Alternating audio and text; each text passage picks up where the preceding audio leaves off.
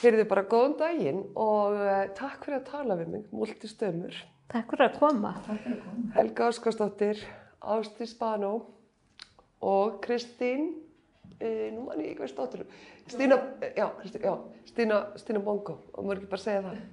Já. Heyrðu, við ætlum að hérna aðeins að spjalla um þetta skemmtilega fyrirbæri sem þið standi fyrir, sem heitir Multis og svona eh, kannski bara byrja einhvern veginn aftur svona aðeins að eitthvað leið uh, að þessari hu- hugmynd og hugmyndafræði, hvernig þetta byrjaði að, að hérna svona nóðast saman.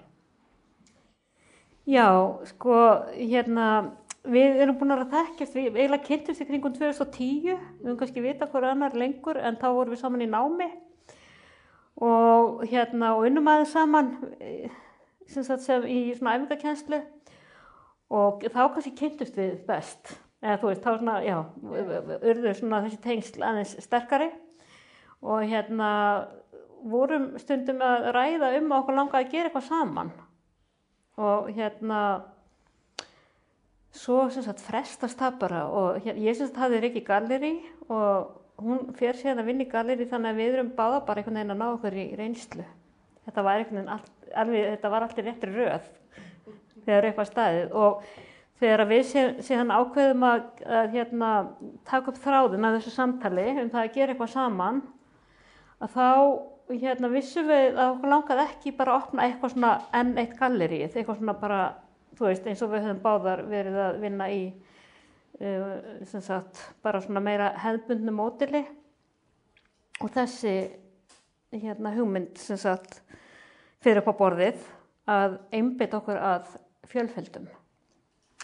Að því okkur fannst vera svona bara gata á markanum fyrir þetta fyrirbæri sem er svo áhugavert. Þetta fjölfeldi eru svo áhugavert fyrirbæri í, í myndlistarmenginu. Og það var í rauninni bara líka emmitt. Við vorum einhvern veginn ákveðnar í upphafi að fara þá leiða að hérna, vera með eitthvað nýtt emmitt. Eitthvað nýtt, eitthvað nýja afkoma myndlistinni sem að okkur fannst e- einhvern veginn þurfa svolítið að, að hérna, kynna betur og, og, og fjölfundin voru einhvern veginn svona tilvalið og eitthvað sem að hún reyndar Helga hafi verið að vinna með í tískalleri og hafa svona byrjað svolítið svona ákveðna hugmynd þar að því að vera að fá listana til að búa til fjölfundin en að í rauninni við að taka svolítið upp þráðinn upp á nýtt eftir, eftir í rauninni hérna, þú veist að hún var svona búin að leggja þetta til og, og við vorum heilengi að skella saman áður en við einhvern veginn tökum síðan ákvörðum að, að fara bara að stað með verkefnið og, og kannski fyrst og fremst átti þetta að vera náttúrulega aðal á netinu en sem er svolítið skemmtilegt en hefur síðan þróast sem sagt, og er í rauninni orðið meira en engöngu netgalleri eins og maður svona hugsaði þetta fyrst heldur, heldur sáum við að það verður alls konar annu tækifæri. Algjörlega. Það er svolítið áhugavert þetta með á netinu og síðan í raunheimum.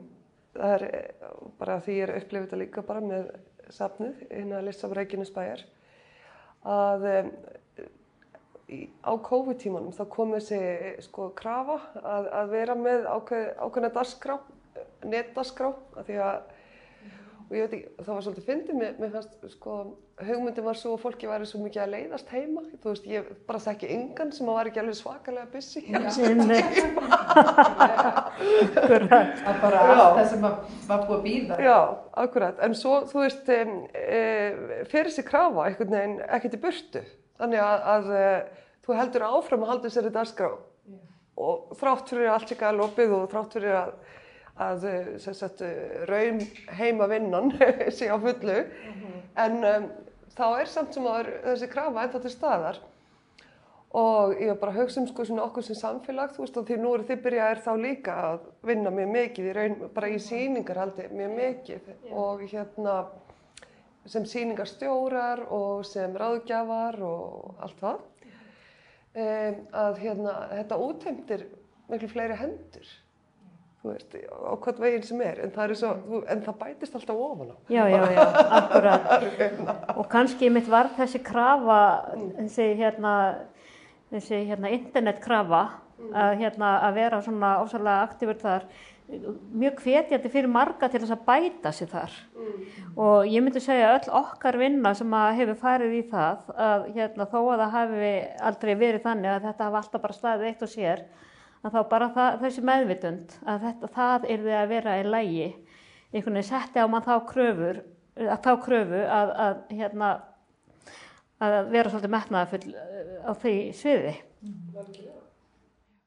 Mér langar svona að spyrja ykkur hvernig þið farið inn í það að vinna með listamanni. Þið eru náttúrulega báðar listamenn líka og uh, þetta er oft bara ansiflókið og svo er þetta líka uh, að því að uh, þetta er vonandi eitthvað sem að á eftir að gefa einhverja peninga sér að því að þó að fólk séu listamenn þá vil að, vil að fá borgað eðlega og þó að þið starfið í kringum þetta og, og þá sem, sem sagt, að halda auðvitað um þetta, þetta sé eitthvað hugmynd að fá, fá eitthvað fyrir sinn snúð. En þannig að þetta er tvíþægt að bara bæði hugmyndafræðin og, og, og hérna og síðan að velja að vinna með listamanni og hans verkum veist, og hvernig, þú veist, hvaða prósið er svona, hvernig byrjaði það til dæmis bara fyrst, þú veist fyrsta, fyrsti listamæðurinn sem þið fóru til Það er nú góð spurning við, mm -hmm. við byrjum náttúrulega að setja bara saman lista yfir, yfir þá sem okkur fannst að verði listamenn og og ekki engangu þeir sem maður gæti ímynda sér að vera góður í að búti fjölfældi eða eitthvað slíkt, þetta meira bara á þessi áhugaverður, það var nú gaman að vinna með honum og, og hans verkum og finna einhvern veginn. Mm. og, og þannig að við byrjum á því og, og samtalið við er bara svona til að byrja með okkar á milli þangar til að við, við náttúrulega fyrir að leita til listamanna og ég verði að segja að við vorum með miklu, miklu opnari hug fyrst um hvernig í rauninni verk átt að vera í rauninni vorum fyrst og fyrst þau sem þrývít eða þess að svona einhvers konar skúldur og það var náttúrulega megin ástæðan hjá okkur en við vorum frekar svona opnar einhvern veginn, við vorum ekki með kannski skýra, alveg nákvæmlega skýra sín að eru leiti um hvað fjölfældi átt að innibyrða eða hvort við vildum vera með ákveðið þema eða hvernig. Þannig að við vorum, byrjuðum bara á samtali við ákveðna listamenn. Og leifum því svolítið að þróast út frá því. Og ég held að við hefum lært alveg töluvert á þessum tíma þessum um tveimur árum á hvernig við nálgum þetta og gerum það í raunin allt öðru sem dag. Á einhverju tímapunkti þá opnum við fyrir að hafa prent. Þú veist, það var eitthvað svona okkur fannst vera nóg af því. Þú veist, ef það var eitthvað uh, sem að var í rauninni hérna í lægi eða sem, sagt, sem að var eitthvað hérna úrval af í, í hérna í listheiminum að þá var það, það voru það prent, mm. grafík og, og svoleiði sko, en hérna þannig að og, og það er að leiðan til langa okkur að leggja áherslu á hitt en núna erum við bara búin að opna fyrir veist að vera með bæði. Og það er líka bara viðskiptarlegs eðlis veist að það eru bara mjög margi sem hafa miklu meiri áhuga á tvívitinni heldur en þrývitinni mm. þannig að það er mjög óskinsamlegt í raunin að loka það úti ef við viljum selja verk. En það er náttúrulega margt alveg óbúslega áhugavert í gangi í, í, í prent, prentunum sko En við erum miklu, við hefum einmitt tekið núna þetta farið kannski halva árið og við hefum verið mikið verið að ræða okkar á milli um hvernig við viljum stýra hans betur þessu samtali í rauninni. Við leitum til listamanna en við erum kannski núna frekar að leita eftir ákveðinu út frá kannski einhverju ákveðinu sem listamann hefur unnin og þegar einhverju ákveðin verk og erum þá svolítið að sækjast eftir kannski svona einhverju sem við teljum að, að hérna, væri svona áhugast inn í, inn, í, inn í þetta mengi, inn í þetta verkefni. Mm. og, og, og þannig að það hefur verið gaman og mér finnst þessu mikið listamenn vilja einhvern veginn eiga þetta samtal og, og fá, að, fá svona í rauninni e, smá svona innlegum um, um nákun og stærð og hlutvöld og allt þetta. En sumi vilja fara að ganga einhvern veginn alla leið, menn aðrir einhvern veginn vilja bara fá að finna út úr þessu sjálf Já, akkurat. Og því myndlistamenn eru náttúrulega yfir höfum mjög sterkir karakterar. Þannig að þú veist, það er, sko, samtalið er mjög ólíkt eftir því hver á einn hlut. Og, og við höfum alveg tekið eftir því hjá mörgum myndlistamennum að þá er það bara, þú veist, ég er með þessa hugmynd núna sem er mér langar að framkoma. Þá ætla ég einhvern veginn að koma henni fyrir í þessu konsepti. Meðan að þú veist, það eru kannski að hugsa, þú veist, já, hvað kemur vel út í, í fjölfeldi þú veist, hvað getur verið spennandi er, veist, og allt er valit allt af þessu er alveg Já. þú veist, einhvern veginn hérna, mikilvægt Akkurát Svo eru sko, sum fjölföldin í rauninni samt handgerð og, og þá í rauninni líka einstök. Já. Þannig að þó alveg þessi, já. En það er þá alltaf ákveðið prinsip sem að er, er, er sem sagt, ræður þar för. Og þá er það, þú veist, þá er það, sem sagt, þá er verið að vinna með sömu, þú veist, sama efni, sömu málin og hérna, og sömu aðferðafræði við gerð verkana. Þannig að, þannig, þú veist, er hægt að, hérna, að kalla það fjölfeldi, þú veist, það er hérna, Ég hérna, eh, já, ég ætla bara svona að segja ykkur frá því að á síningunni ykkar núna í listasafni Reykjanesbæjar eh, við erum búin að vera með mjög mikið af skólahópum og sem sagt eh, vinsælasta verkið er verkið hans Steingríms þú veist, þau sita þarna bara alveg og vilja helst ekki fara, þau eru svo duglega að kasta myndum á milli sín vá, en gaman. Það væri nú gaman að leiða um að teikna kannski líka eins og við gerðum á áfrunni. Já, við vorum með. Myndir út úr, út úr þessu. Akkurat, það væri, já og það er vist bara alveg ótrúlegustu myndir sem komast í skila og, Vá. og rosa svekkelsi, það gerir það ekki það verður hægt að hafa einhverja svona eitthvað bara. Já, algjörlega. Ég, hérna, ég er til í að pæla í því fyrir, hérna, þú veist, á síningatímum. Já, Algjörlega. Hérna, eh, mér langaði kannski líka bara svona aðeins að spóla tilbaka af því að hérna þegar báðar ákveðin feril sem myndlistamenn og, og svona þú veist og hafi verið viðlóðandi í alls konar í myndlistinni líka félagstörfum og annað fyrir, fyrir þennan eh, hóp sem er oft svo ósnilegur. ég veit að, að hérna, já kannski svona upplifir eins og, eins og hann sé ekkert mjög valdamikill sko, hérna, sem að ég held að svona í sögulegu samingi sé alls ekkert satt, ég held að sé mjög valdamikill. og hérna, eh, en mér langar kannski það bara að byrja þess að spyrja því Helga, ég veit að þú hérna byrjaðir í námi út í Hollandi á sínum tíma og kannski, þú, bara, mér langar bara að heyra, ef þú veist, alltaf er alltaf í myndlist og var það alltaf bara svona leið? já, sko, ég held að ég sé bara, þú veist, það hefur verið eina af þessum krökkum sem að fann mjög mikið skjól einhvern veginn í sköpuninni. Þú veist, það var bara einhvern veginn svona svolítið alltaf eins og að vera komin heim.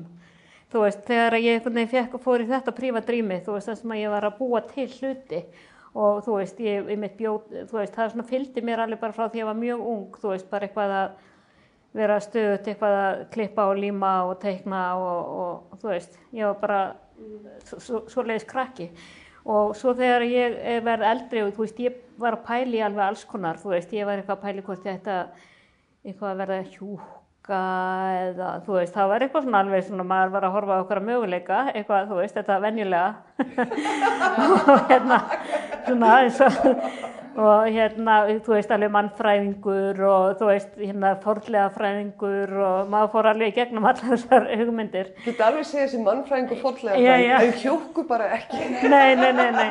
Það kannski kemur til að því að ég var sjálf svo mikið á barnadeildinu sem barn og þetta voru náttúrulega mínar hetjur og fyrirmyndir, þessar dásamlega konur sem að voru að vinna þar. Mér langaði kannski bara að vera eins og það er.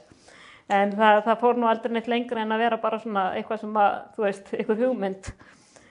En hérna, já, svo sem sagt, uh, já, nei, ég held ég hef ekkert eitthvað all, alltaf alltaf að verða myndlistamæður, þú veist, ég, en hérna á einhverjum tímapunkti að þá, hérna, þegar ég opnaði fyrir það og, og svona let á það reyna, þú veist, bara tók inntökupróf hérna í skóla í Hollandi og, og hérna þar áður hafði ég verið að mála í svona ateljeri, hérna hjá yndislegum kalli sem bjóð hérna við hérna fallegt síki og hérna vorum hérna nokkur sem vorum að mála hjá honum og fengum eitthvað svona verkefni og þú veist og ég er svona alveg, ég nautist alveg í botn og byrjaði að gera möppu og, og svo bara let ég á þetta reyna, þú veist og hérna og komst inn og, og hérna og þar með var ég einhvern veginn búin að, þú veist, blanda blóði við listakíðina, svona formlega.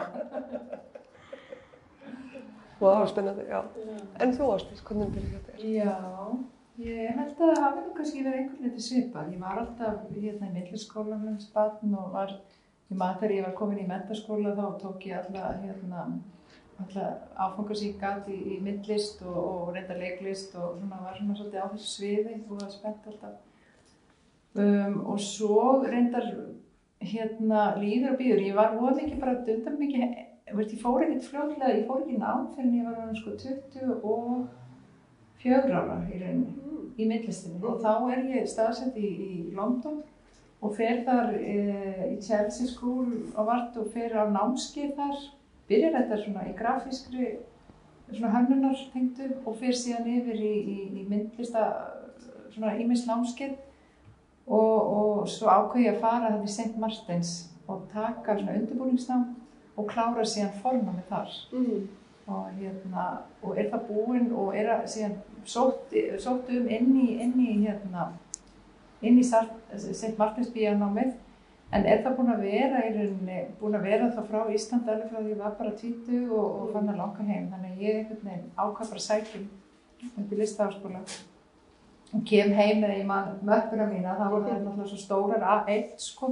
Já. og kom með þetta heim alveg hérna í flugi til að fara í viðtal og, og, og hérna og var bara spennt að koma heim og byrja, byrja í bíanáminu hér og það sem ég gerði og, og naut, naut þess mikið. En ég held að ég, að ég hafi í rauninni verið svolítið lengi að koma mér í námi sjálft að þá hafi það verið eitthvað sem hafa vera með mér alveg í rauninni síðan ég var bara bad sko hafði alltaf rosa gaman að, að öllu myndstu tengt.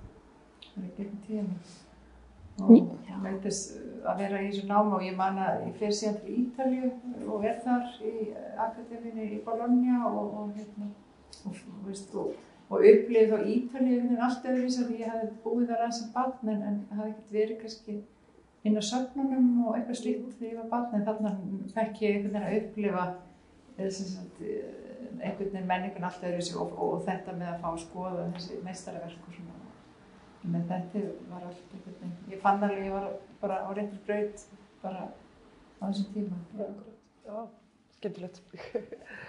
en hérna, já, þess að þú segir, bara minnum við Ítalí og ég var að tala um Holland og svo veit ég að þú hefur líka verið í Breitlandi, London, Helga. Þú veist, mestarnám þar eftir, uh, Eftir, eftir MHI, það hétt Já, að það MHI, já. ég hérna sagt kláraði ekki námið, bara svo ég fara yfir það, að þá kláraði ég ekki námið í Hollandi, en ég kom hérna heim og fekk metið bara, ég hérna og í rauninni er ég rosalega þakklátt fyrir það vegna þess að uh, á þeim tíma þá einmitt bara eignaðist ég einhvern veginn svolítið mitt svona net sem að þú veist svona grunninn að mínu svona myndlistar neti bara þú veist þegar við erum ekki eilönd í, í myndlistinni við einhvern veginn þetta er einhver leiti samfélag þú veist eh, fólks. Og hérna og þú veist ég kynntist þér og, og fleiri snillingum. Og hérna og það hefur bara það, þau, þau, þau svona tengsl eru ennþá lifandi mörg hver. Og hérna og svo hefur það neitt bara, þú veist, einhvern veginn stækkað og hérna, og bara alveg dásamlegu tími að vera hérna í þessu námi hér, sko og mikilvægt. Og þar eftir það fór ég til London, tók þar svona MFA, einmitt í Chelsea College, mastersprógraminu þar. varstu það ánægð með námið þar? Já, mörgu leiti og ykkur leiti ekki. Veist, þetta var, maður getur náttúrulega alltaf verið mjög gaggrunin, en hérna, það sem var gott í þessu var að þarna fekk maður tækifæri til að bara vinna, vinna stúdíóvinnu. Þú veist, við vorum í rauninni bara hvert og eitt að búa okkur til okkar einn verkefni, ekki, fengum ekki verkefni sem var vanur úr skólanum, sko, það sem að, þú veist, þannig að þetta var svona, svona bara einhvern veginn að hoppa út í djúbulegin, einhvern veginn bara að fara að vinna sitt eigi svona alfabet, einhvern veginn í listinni og þú veist, og svona, fylgja sínu flæði og svo fengu við bara alveg stórmerkilega og flotta svona, uh, svona visiting tutors eins og það var kallað þar. Þú veist, þá voru það bara starfandi myndlistamenn sem voru ábyrrandi í listheiminum og þú veist og hérna, eða svona mis, mis sem er bara, þú veist, með langan feril og aðri kannski ykkur á svona stjörnur þú veist, sem að voru að koma og bara spjalla við okkur um hvað við vorum að gera og það var bara mjög, hérna, þetta var bara mjög áhugavert. Og svo bjó ég þarna í London sagt, var í tvö ár. Var sagt, eitt ár var svona intensíft hérna ár þar sem maður var bara bæði sko vetur og sumar. Eða sem sagt, já, alveg heilt ár. Og hérna og svo hérna var ég eitt ár bara þar sem ég bjóð þarna. Og í rauninni þú veist var svona aðeins að þú veist vinna ve- myndlistaverkefni og svona var að kynast fólki sem að var aktíft í svona kannski þú veist einmitt ekkert eitthvað svona high profile en en svona spennandi, spennandi listamenn sem ég var að hérna, kynast og vinna með. Svo kom ég hingað eftir þau tvö ár og Já, eh, ég, ég man eftir því á þessum tíma, þú varst þá þegar einhvern veginn, það býr í þér eitthvað alveg ótrúlega voldugt aðtapnaskald. það er, hérna, nei, bara ég man eftir því, þú varst eh, einhvern veginn að þínu frumkvæði, varst að fá fólk saman og bara getum við ekki bara hérna leikt eitthvað saman, þú veist, þú, þú hefur alltaf einhvern veginn verið eitthvað svona framkvæmdasum með að, að hérna taka örlögin, þú veist, föstum tökum og, og hérna búa eitthvað til sem sagt búa umhverfi til og, og í stað fyrir að vera fúli við því að það sé ekki til staðar. Já, ég einhvern veginn áttaði mig mjög snemma á því að þú veist að það er einhvern veginn, það kemur ekkert á silfubakka. Þú veist, maður þarf bara að, en það sem ég upplifði á þeim tíma, hérna, svona snemma, þú veist, bara svona strax eftir námi var að mér fannst þetta ganga svo mikið út á svona individualisma og einhvern veginn að fólk vildi verða stjörnur eða einhvern veginn, þú veist, þetta var einhvern veginn svolítið snýrist að einhver leitum það að vera eitthvað svona frægur listamaður og einhvern veginn, þú veist, þú einhvern veginn sem þessi svona mikilvæga persóna og snillingur og ég einhvern veginn samsamaði mig aldrei einhvern veginn við það. Þú veist, mér fannst alltaf bara svona gang út og bara, þú veist, það bara láti eitthvað gerast. og það má ég að segja ekki, veist, einhvern veginn sprettur svolítið upp okkar samstarf, erum með hérna svona hennar, svona, það er hún sem kemur til mín með þessa hugmynd og með hugmynd að vinna saman, við sem ekki nákvæmlega hvað við ætlum að gera en, en og þessa framkvæmdaglefi og, og, og, og hérna. Þannig að það er einmitt algjörlega svona brennur á henni að hérna skapa og skapa líka bara einhvers konar mengi og einhvers konar samvinnu sem er ekki engungu, veist, þetta hér maður finnur að þetta er svona svona bara svo bæti við hann Helgu, Helgu, hún er alveg með þessa hæfileika og þessu sviði alveg. Já, ég, bara, ég hef alltaf bara trúa því að, þú veist, ég geti látið hluti gera, skilum, mér hafst að bara finnst það bara svona eðlilegt og ég veit að það bara á við um alla, allir ættu bara að geta, þú veist, þetta einhvern veginn að bara, þú veist, þóra bara stiga þetta skref í átt að einhverju marki, mm. þó maður, þú veist, sé ekkert endilega alltaf með, þú veist, það alveg skýr, kýr skýrt, hvað, hvað, marki, hvað, hvað, hvað takmarku er, það er einhver mynd, eitthvað, eitthvað sem byrjar að elda mm. og, og oft veit maður ekkert hva, í hvaða ferðalag maður er að fara, en það er líka svo áhugavert. Alkjörlega og þetta áveg líka bara með sem er múltis, við, við vorum í rauninni, vildum bara koma með konsepti og hugmyndina og við vildum bara einhvern veginn vaðast að og sjá svolítið hvert það myndi leið okkur. Mm -hmm. uh, við, og ég meina við vorum ekki með Excel-skjali upp og, og, og, og hvernig þetta myndi koma út fjárhanslega endilega að leiðarljósi, hefðu við haft það þá hefðu við verið glátið farið að stað. Það er, það er alveg fullkomlega á bílega þannig. Að hérna, þannig að það er bara og þetta er svona ástriði vinna í rauninni svona byggjur svona upp mm -hmm. við erum alveg sammála því að við erum tilbúin í, í þessu fyrstu fimm ár sem að erum náttúrulega bara að vinna já. og að hugsa um bara að vinna þessu verkefni og, og og reyna að gefa sér tím í það með öðru og, og eins og við hefum gert núna þetta tjóðar. Sko þó við séum að vinna eftir einhverjum svona business módeli og þú veist þetta er fyrirtæki og þú veist það eru svona ákveðin hluti sem eru bara í struktúrnum sem eru hérna, hérna viðskiptilegs eðlis að þá myndum við samt aldrei vera í þessu nema af því að við brennum fyrir þetta og finnst þetta skemmtilagt. Þú veist hérna við erum hérna við erum að fá helling út úr þessu, bara einhvern veginn, þú veist, já, þetta er okkar, þetta er okkar passion og hérna, við elskum að vera í samskiptum við skemmtilegt fólk og, og einmitt að láta hluti gerast. Ég, að mínu viti og, og hérna, ég hef náttúrulega ekki bóðið ykkur að sína á listasafni Reykjanesbæjar nema að því að mér finnst þetta ekki bara eina skemmtilegt prójekt, mér finnst þetta mikilvægt prójekt og það er svo þú veist, þetta er, þetta er svo miklu starra heldur en að vera bara skemmtilegt projekt. Það er eiginlega það sem að, hérna, ég er að segja. Og, um, og, og sem sprettur þá líka sko út frá tveimu listamönnum en ekki ykkur staðar að ofan þetta, og mm. það er einhvern veginn það er eitthvað svo tröstveikindi það veikur, veikur manni meira tröst heldur en ef, að, ef það kemur ykkur staðar ofrá þannig að, að hérna Ég held að við getum gert þetta af því að við erum með, þú veist, hennan grunn. Þú veist, það, þú veist það, ef þetta væri bara viðskiptamódel, þú veist, ef þetta væri bara, út, bara til þess að búti pening eða þú veist, ef það væri eina markmiðið, því að einhvern veginn ef að maður ætlaði sko að vera bara að græða peninga, þú veist, þá væri maður bara í verbreyfa, þú veist, sölu eða fara bara að vinna í banka eða þú veist, gera eitthvað, þú veist, eitthvað allt annars eðlis, þú veist, ég held að til þess að bara hafa áhuga á því að vinna í einhverjum svona myndlistar tengdu að þá þarftu að hafa streng, þú veist, þetta þarf einhvern veginn að vera svona hjartansmál. Já. En ég ætla að spyrja, en Ástíðsbyrði, þú varst að vinna hjá hérna uh, kynningarmiðstöðu íslenska myndlistar, er það ekki?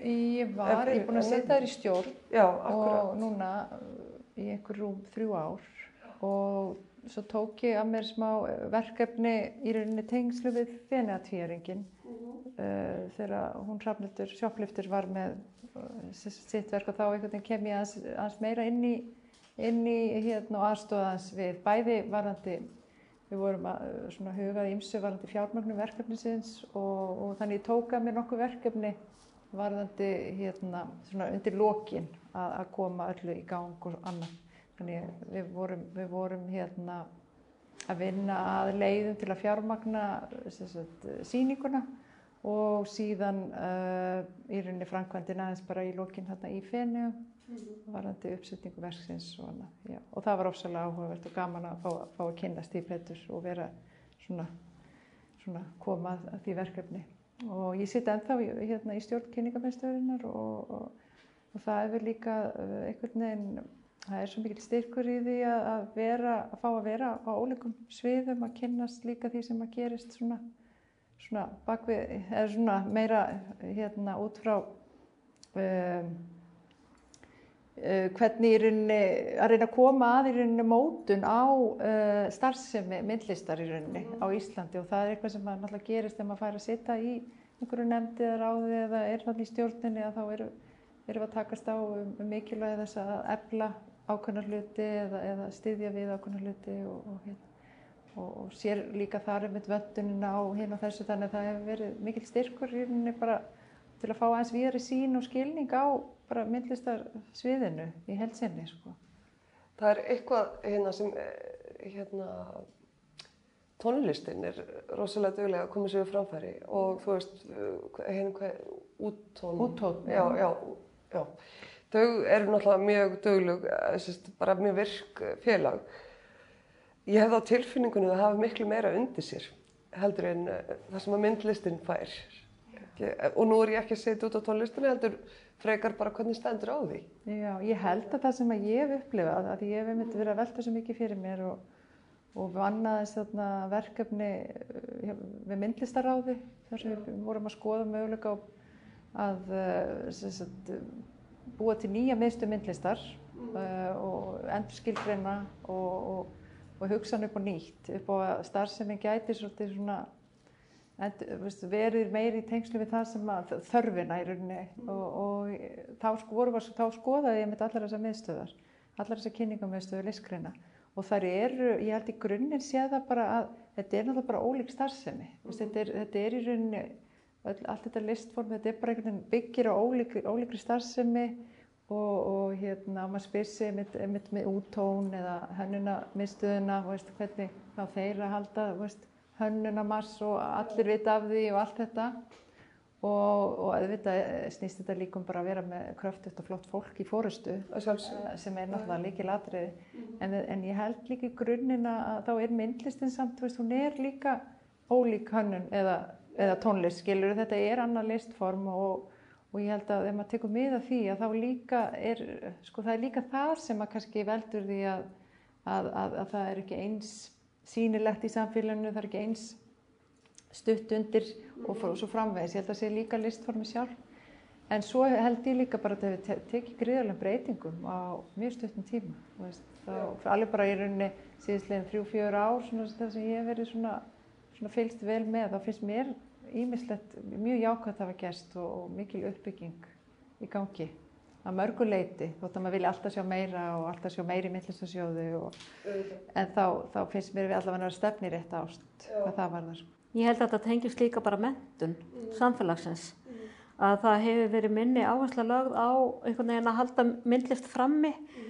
og, og, hérna, og það hefur mikið breyst til dæmis bara í fjölmjölum. Þú veist bara eins og veist, menningin og, og svona, þú veist, eh, bara það sem að kemur fyrir almanna sjónir, bara einhvern veginn að þetta fyrirbæri er til og þarf ekki vera hrættu við það. Og þetta getur actually verið skemmtilegt og áhugavert og, og hérna, en náttúrulega allir við ölumst öll upp í tónlist, við ölumst, þú veist, einhvern veginn við skiljum eh, hönnun af því að, þú veist, oft ber hún í sér notagildi.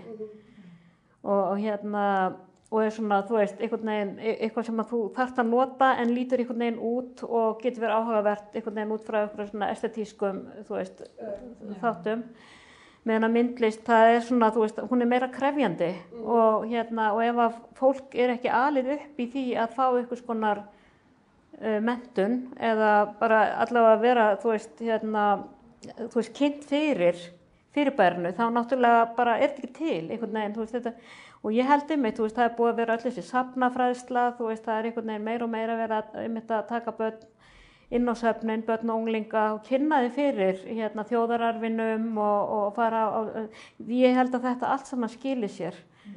Og hérna og, og líka, þú veist, er eitt að hérna, þú veist, það er svo opáslega mikil ásókn í listaháskólan það komast alltaf mikið færri aðeins vilja.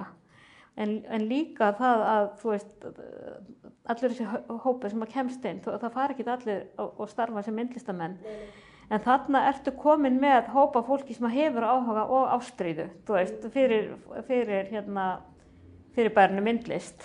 Og hérna þannig að ég held að hérna eins og Ástur segir ég, mér, finnst ég alveg sjá mun að fólk er einhvern veginn almennt svona opnara fyrir þetta. Er ekki bara eitthvað svona þú veist, þetta er ekki eitthvað ógnvænlegt sem að, hérna, þú veist, já, listamæðurinn er bara að gera grína mér og, þú veist, þið munið eftir þessari orðræði. Þetta Já, er alltaf breytast. Já, ég er bara feinu að heyra að hérna, þú segir þetta sko. Ég, hérna, ég held því miður að hún sé alltaf mikið lifandi ennþá sko. Þessi, orð- þetta með börnin, það, það, er svo ótrúlegt að þetta er, um, þetta hefur með aðgengi að gera. Til dæmis, eh, þar sem að ég bý í Reykjanesbæ, um, það eru held ég að með minnir sjö skólar og bærin er mjög stór. Ég menn þetta er mjög viðfemt uh, bæjarfélag og það eru þrýr skólar bara sem eru nálagt safninu. Og þeir koma, þú veist, og það er bara ekkert mál og bara mjög þjætt dagskrá með þeim. Hinu skólanir einhvern veginn koma aldrei. Og bara eiginlega bara aldrei. Og það er eh, hérna og síðan eru börn í þeim skólum sem eiga kannski fóreldra sem að, að sem sagt, um, hafa, bara hafa ekki kynst myndlist í sínu lífi og fara, koma þar að leiðandi heldur ekki með börnin á safnið og þessi börn, þau, þau kunni ekkert að fara þú veist, það er bara eitthvað sem er eins og þessi ekki til. Það, það er bara, það er svarthól fyrir þeim. Og þannig að þetta er ótrúlegt jafn réttismál að öll börn eh, sko komi reglulega á söfn í sinni skólagöngu.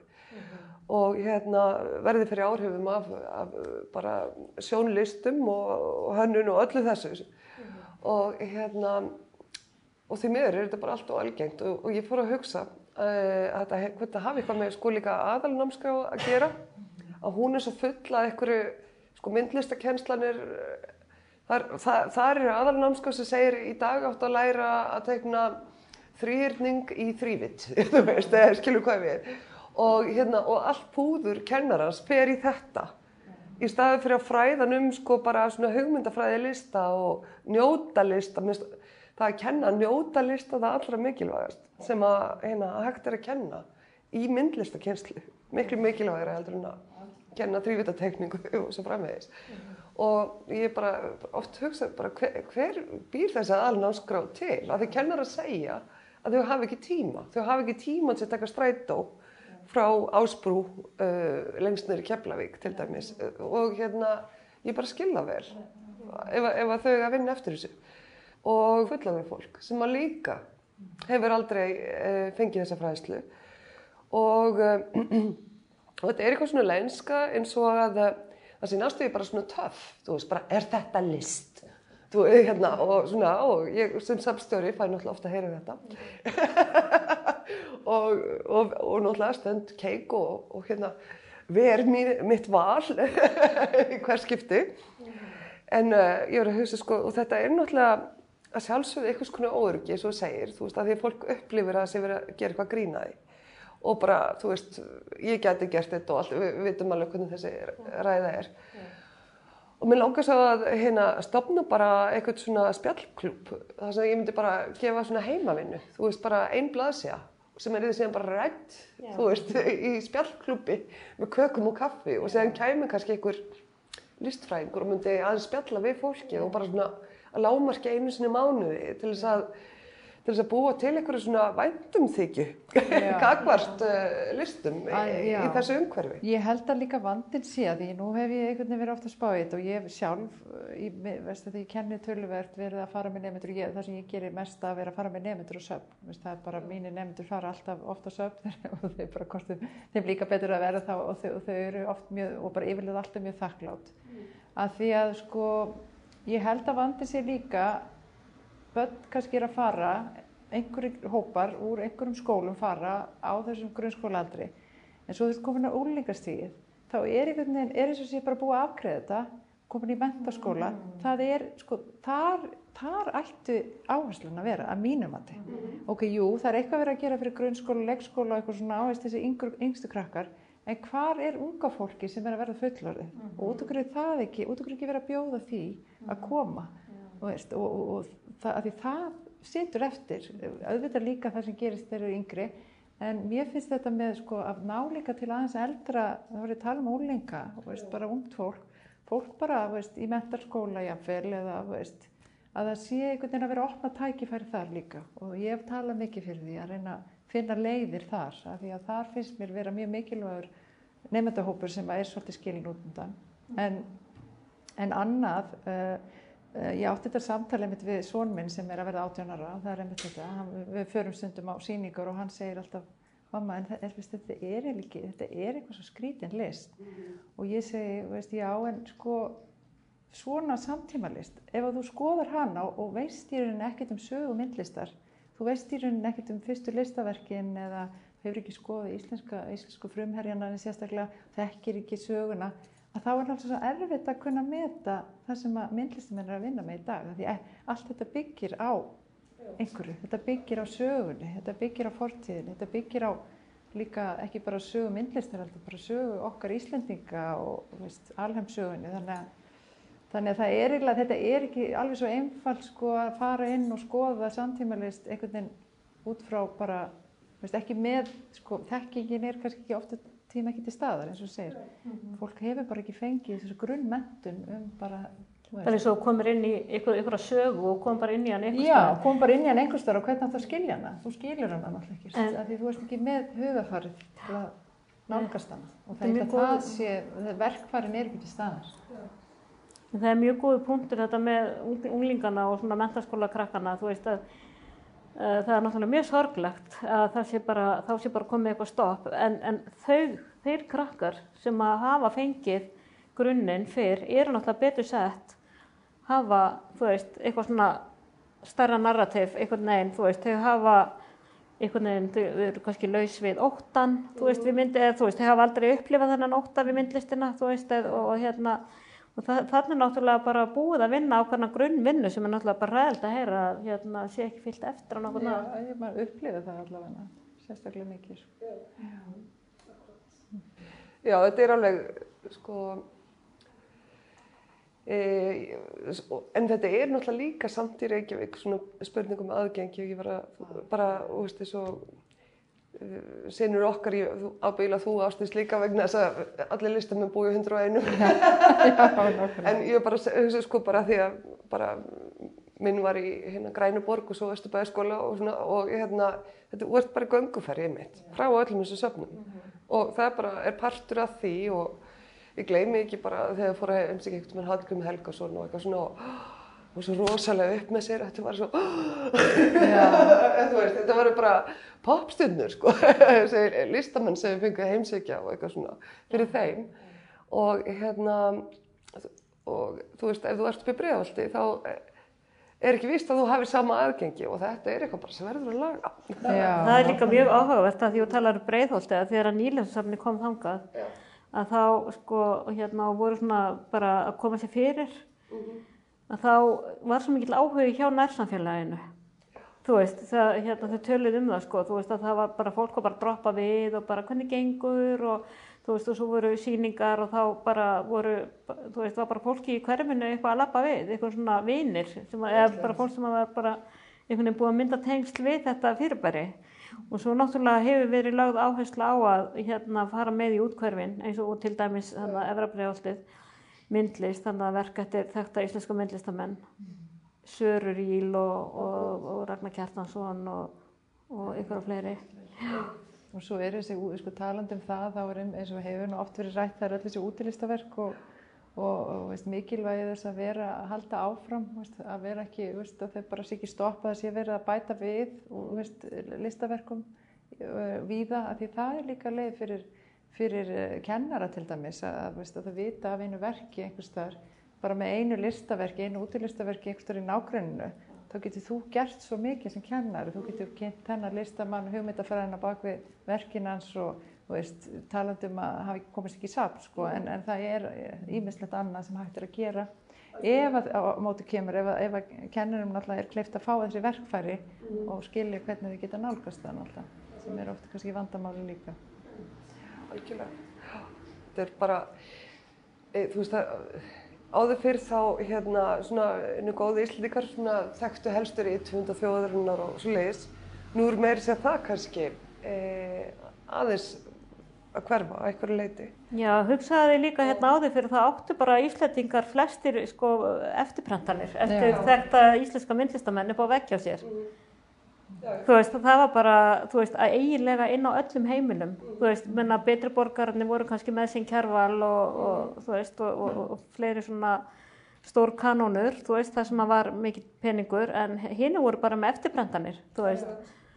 Og, hérna, og það var alveg meðvitund um þessa listamenn og, og hérna, þetta þótti smart.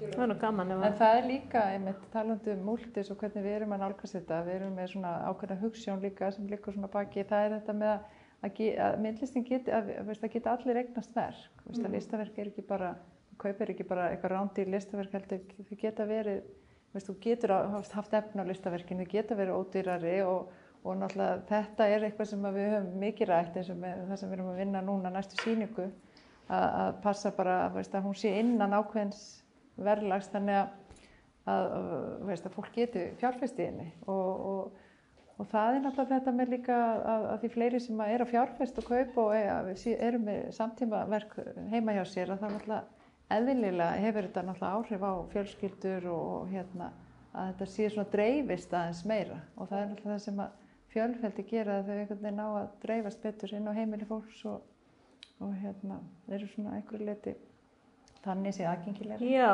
þetta eru sko, hérna, og það sem er mikilvægt við, hérna, við þessi, hérna, sko, þessi fjölfeldi sem við erum með, þetta er allt eftir, sko, þekta myndlistamenn, þetta er allt eftir starfandi, flotta myndlistamenn, þetta er ekki bara einhver, þú veist, listagóðu verði, heldur er þetta, þú veist, listagóðu verði eftir mjög flotta myndlistamenn og alltaf ef þú eignast verk eftir, flottan mynd, eftir myndlistamann sem er, hérna, bara á sér stað í í okkar listasögu að þá er það líka fjárfesting.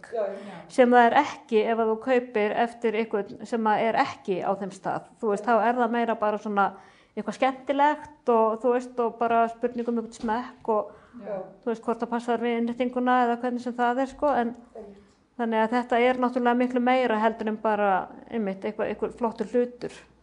Þetta er, já þetta er listasagan Og líka kannski nefna það líka með sko, eins og þetta að, að, að sko, eh, þegar kemur að því að fjárfyrst í myndlist að þá er það er ákveðin hópur sem er mjög áhugasamur og kaupir alltaf reglulega list og er svona, að, veist, þessir kannski einhverju sem að kalla sig safnar eða einhverju sem kalla sig veist, bara áhuga, áhuga fólk um, um myndlist og er fyrir reglulega síningur og fjárfyrstir í list og svona. En það er þetta með að, að, að, sko, að skapa vettfang fyrir fleiri til þess að vilja í rauninni tilengja sér þetta að koma inn í hennan heima að vilja eignast kannski nokkur verk og, og, hérna, og sjá og skilja líka hvað einmitt, hvað það getur verið mikil, veist, og það, það, það innibér svo mikið að geta í rauninni fá betri skilning á myndlistinni með því að eiga fleiri en eitt sko og fylgjast með þessum listamönnum og þegar þeir eru að sína og lega listaverk eftir einhvern listamann þá viltu fara á, á síningarnar hjá honum og þú vilt kynna þér það sem hann er að gera í dag og, og svo framvist þannig að það er Já, já, en, en þú veist, nákvæmlega, en þú veist, talandi um hérna e, þekkta listamenn, það er náttúrulega bara sömur heimsfrægir sem að þarna er að sína með ykkur og, og vinna með ykkur og hérna, það var nú ákveðin frumsýning í rauninni á, á hérna, einu verkinu eftir einn af okkar allra þekktasta og besta myndlistamanni, Magnús Pálssoni. Hérna, hvernig kom það til, veist, þetta samstarf ykkar á milli? Já, það var bara... Já, það var, fjölskyldan hafði samband. Eða sem sagt, hérna, já, e, tengdadóttir e, Magnúsar, Ráðaldur Ingadóttir, hún hafði samband og, og bara svona hóf þetta samtal. Og við vorum náttúrulega bara strax mjög áhugaðsamar og fannst bara mjög mikill heiður að þau, hérna, lítið til okkar varðandi, varðandi þetta og og það er gaman að segja frá því að hérna, við erum líka sagt, uh, með verk eftir tvo af sonamanns það, það rennur mikil myndlist þarna í þessu, þessu blóði. Akkurat, og hérna, já, þannig að þannig, þannig hófst það og, og það bara verið alveg indislegt mm. samstarf og samtal og bara ger mjög mikið fyrir til dæmi síninguna að, að fá að vera með öll þessi verk eftir Magnús. Mm -hmm. Hann er náttúrulega með þennan langa feril að baki. Heldur betur. Já. Já, ég veit að hérna, þið eru alltaf að bralla eitthvað skemmtilegt og hérna þið eru bara með ykkur eh, að plana eitthvað, eitthvað nýtt núna, veit ég.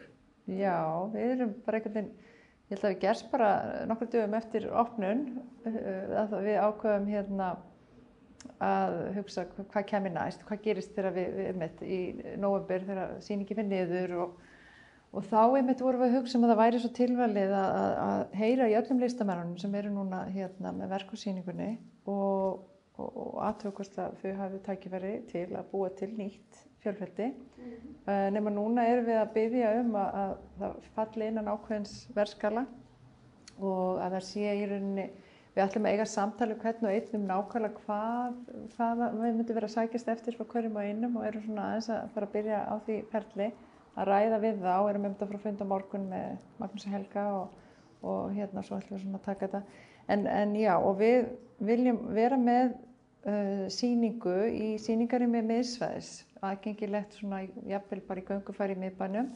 Við erum að líta til hérna, svæðis þannig kringum Hafnatorkið Mér langar líka bara aðeins, já, með þér, Elga, sko, þú er náttúrulega líka mikið unni sem hönnur, grafísku hönnur og svo leiðis og hérna, og svo heldur hún úti ennþá listtímariti. Já, akkurat. Aðeins að flækja þetta. Já. já, ég hérna, sem sagt, hef mikið verið að vinna við vefsíðugjær. Það hefur verið svona aðal, ég hef reyndar unnið eitthvað við umbrót og eitthvað svona, en ég hérna það sem maður hefur fyllt mér alveg bara mjög, mjög lengi það er eh, vefsíðugerð. Og það hefur bara mjög harmonera mjög vel við allt annað sem ég er að gera.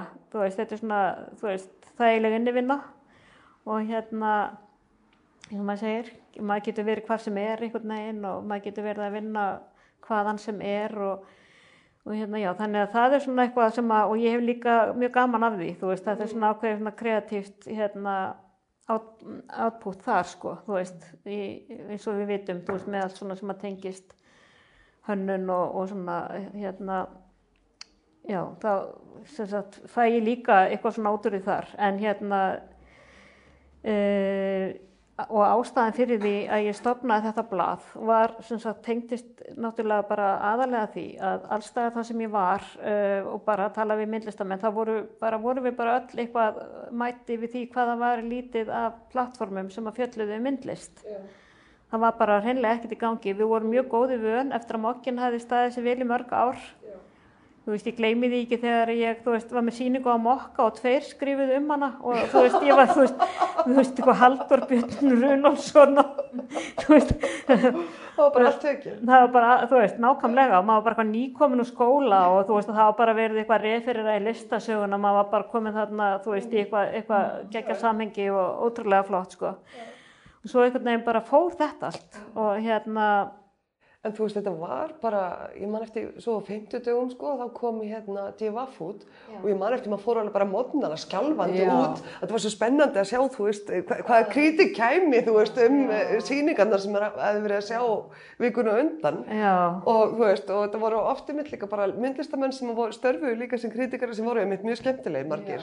já, Og, og hérna, e, og náttúrulega líka, bara Haldur Björn náttúrulega, bara, og fleiri. Jón. Proppi, Og það var bara margir, fólki, sko. flottir, já, já. Og já, þú veist, ég man eftir hvað DFF gæti verið skemmtilegt og ég man, og sjálfsögðu náttúrulega mogginn bara eins og hetja í þessu. Og hérna, e, hva, var ekki bara með þessi press, þetta var í öllum blöðum. og bara með. umfjöldun Já. um eiginlega allt, allar sí, eða svona, þú veist, það var bara, þú veist, það kom alltaf einhver umfjöldun um allar sýningar. Já, flestar. Flestar, Já, já. sem að, þú veist, það var ótrúlega. Ég skil ekki af hverju þessi veðmiðlar til dæmis, eh, ég, ég bara persónulega, ég vil ekki kaupa hérna sagt, uh, blað því ég vil ekki fá blaði heim til mín. Þá þarf ég að flokka það og tökja pláss heimi á mér. Skilur við, það er bara þannig. Og hérna þannig að ég vel sjálf að, að hérna fá mitt efni, efni á netmiðlum. Skil, og, og það er náttúrulega ekki heldur einu sinni prentmiðlunum hérna, ekki nema Mogginn, hann er hættur núna líka. Það í rauninni, hann tekur viðtöl og svona Já. en það er ekki regluleg Nei, gaggrinni lengur á nei. Og, Já, það sko, jú, það hafa nú verið ykkur starfandi gaggrinendur en, já, en, En það en það er sko, þú veist, núna þarf það að greiða, nei, þú ert að greiða fyrir aðgang að menningarefni. Já, Já, það er það sem Það er er, það sem er, sko, En ég já. held samt sko að, um, að sagt, eh, það er ekki samt regluleg myndlistargaggrinni um stóru sýningarnar sem er í gang á hverjum tíma á mokkanum, ekki einu sinni lengur. Hins vegar koma viðtöl við myndlistamennina og svoleið sem eru mjög skemmtileg og Já, mjög já, gott já. að það sé gerð. En það er náttúrulega er ekkert það sama. Nei, er ekki það sama. Þú veist, það, það er bara allt annað, þessi, þessi gaggrinni.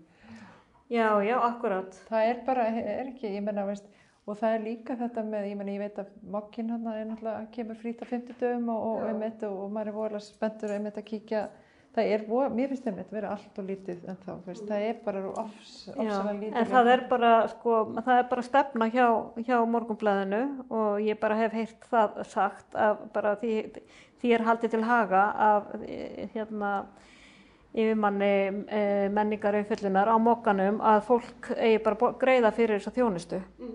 Þú veist, hún er til staðar eða tilbúin til að borga fyrir hana. En þegar að, þú veist, það hefur verið í svona mörg ár og í rauninni er þetta bara sem maður er alveg uppið og lesbókin og allt þetta sem var náttúrulega stórkvæslegt fyrir bari. Þú veist, að þegar þetta allt einhvern veginn hverfur, að þá einhvern veginn, að því ég varst að spyrja mig út í art sín, að þá var það einhvern veginn svona, þú veist, bara, hei, ég kann að gera heimasíður, þú veist, ég get gert svona magasín, online magasín og bara og spurði bara fólki í kringum mig og allir voru náttúrulega alveg hrikalega hrifnir af þeirri hugmynd og það hefur bara gengið vel. Það er svona verið aðeins náttúrulega meiri hægagangur því undanfarið út af bara múltis og Já, já, þú veist, maður getur ekki gert eh, allt, maður getur ekki, þú veist, en, en að því að ég er með hennar myndlistar heila, þú veist, að þá einhvern veginn þarf ég að hafa fjölbreytni og dýna mikið því sem ég er að gera og, og ég var ein með art sín og þú veist, og ég mæl ekki með því við neitt að vera einn í svona, þú veist, en hérna, sko, já, þannig að þess vegna ger, ég gerði þetta því ég gata, þú veist, ég gerði, þú veist, þetta er bara eins og smiður sem maður kann að smíða, skiluru. En það er gaman að segja frá því að, að Artsýn er að fara í samstarfi listaháskólan um, um, um master í, í, í síningagerð og verður þar hérna uh, plattform fyrir fólk sem er, að, eh, að skrifa um myndlist og greina myndlist að geta þá byrt eftir sig efni og þá í einhverju samtali við hérna, uh, já, sína leiðbennendur. Þetta er æsi spennandi. Það getur verið bara mjög skemmtileg lending fyrir artsýn sko og, og það er ennþá áhugi á artsýn, ég er alltaf að fá okkur spurningar um þetta og hérna, en þú veist maður, svo er maður náttúrulega að háði fjármagni, ég hef alltaf borga fyrir skrif og þú veist, finnst það vera mikilvægt að hérna, enda veit maður að það tollur ekki í ykkur sem það fær ekki borga fyrir nema sá sem að bjóða til